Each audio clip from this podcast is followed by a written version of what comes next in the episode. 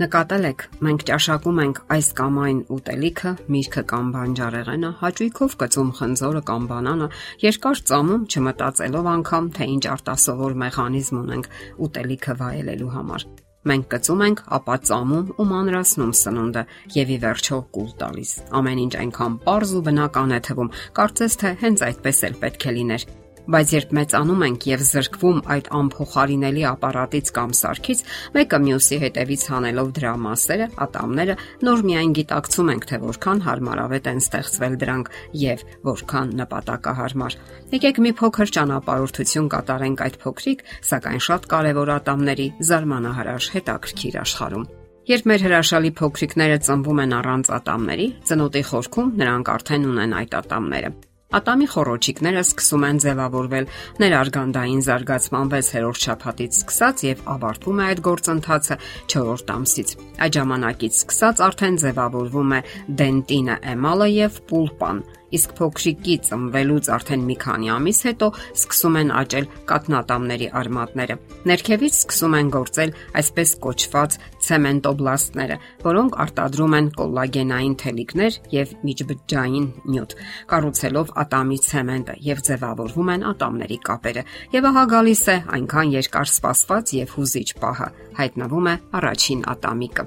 5 տարեկանին մոտ երեխայի կատնատամները վերջապես պատրաստ են, իսկ 6-ից 8 տարեկանին մոտ աճում է առաջին մշտական ատամը, ապա սկսվում է կատնատամների փոխարինման գործընթացը։ Մշտական ատամների զարգացումը տեղի է ունենում այնպես, ինչպես եւ կատնատամներինը, միայն մի փոքր ավելի ուշ։ Եվ այսպես, ներքևից 3 շարժող ուժեր դուրս են մղում կատնատամները իրենց տեղերից, որpիսի փոխարինվեն հիմնականներով։ Դրանցից գլխավորը ատամների արմատներն են։ Աճում է նաև պուլպան։ Սա նույնպես ճնշում է գործադրում, ապա զարգանում են ոսկրային հյուսվածքի լրացուցիչ շերտերը եւ դրանք նույնպես սկսում են վերև հրել կատնատամները։ Բարձրանալով վերև մշտական ատամը հենվում է կատնատամի վրա եւ դուրս մղում նրան։ Դա տեղի ունենում միայն այն պատճառով, որ մշտական ատամների ծակելուն զուգընթաց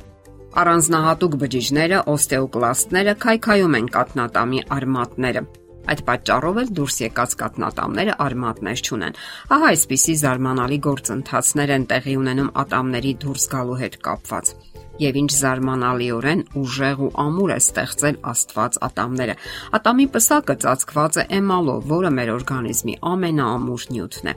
Ատամի էմալը 96%-ով կազմված է հանքային նյութերից, հիմնականում ապատիտներից, կալցիումի ֆոսֆատներից։ Դրանից բացի ատամի էմալի կազմի մեջ կա նաև կալցիումի կարբոնատ եւ մագնիումի կարբոնատ, ինչպես նաև միկրոտաժեր՝ նատրիում, մագնիում, քլոր, կալիում, երկաթ եւ ֆտոր որը ատամի էմալը պաշտպանում է կարիեսից։ Կալցիումի ֆոսֆատի բյուրեղները կառուցվածքային այնպիսի տարրեր են ստեղծում, որ դրանք շատ դժվար է անգամ քերծելը։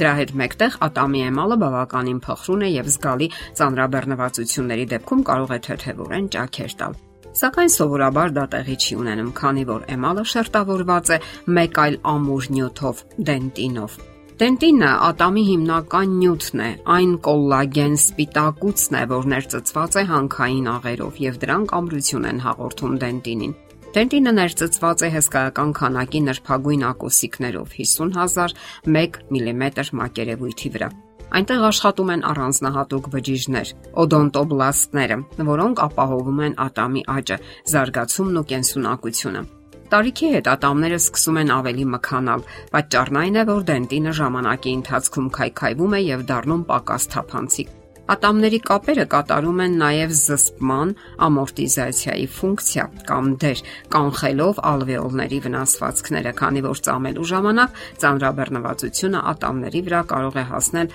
100 կիլոգրամի։ Նկատենք, որ ալվեոլյար հատվածում տեղի ունենում ոսկորի անընդհատ առաջացում եւ քայքայում։ Այդ գործընթացը կախված է ատամների վրա ազդող ուժերից եւ օրգանիզմի ընդհանուր վիճակից։ Բնականon պայմաններում ֆիզիոլոգիական հավասարակշռություն գոյություն ունի ոսկորների առաջացման ու քայքայման միջև, քանի որ կորսված ոսկորը փոխարինվում է նորով։ Լավ գործող ատամների շուրջն առաջանում են հաստ ոսկրային շերտեր, տրաբեկուլներ Ոսկորի մեջ սրանց ընթացքը համապատասխանում է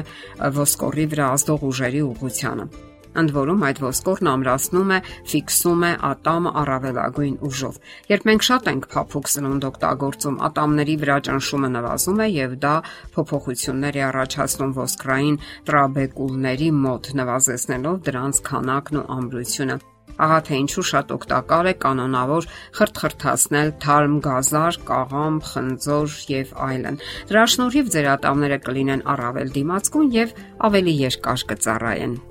Հիմա դուք պատկերացնում եք, թե որքան զարմանալի եւ բարդ է ատամների մեխանիզմը։ Դե ինչ, պահպանեք Աստծո ապարքեված այդ հրաշալի եւ անխափան գործող համակարգը։ Հասկանալի է իհարկե, որ ժամանակի ընթացքում ատամները վնասվում ու քայքայվում են եւ կարիք է առաջանում բուժել կամ դրանք փոխարինել արհեստական ատամներով, սակայն ոչ մի արհեստական համակարգ չի կարող լիարժեք փոխարինել նրան, ինչ տրված է ձեզ ի ծնե եւ միանգամայն անվճար։ Դե ուրեմն պահպանեք եւ խնամեք ձեր ատամները։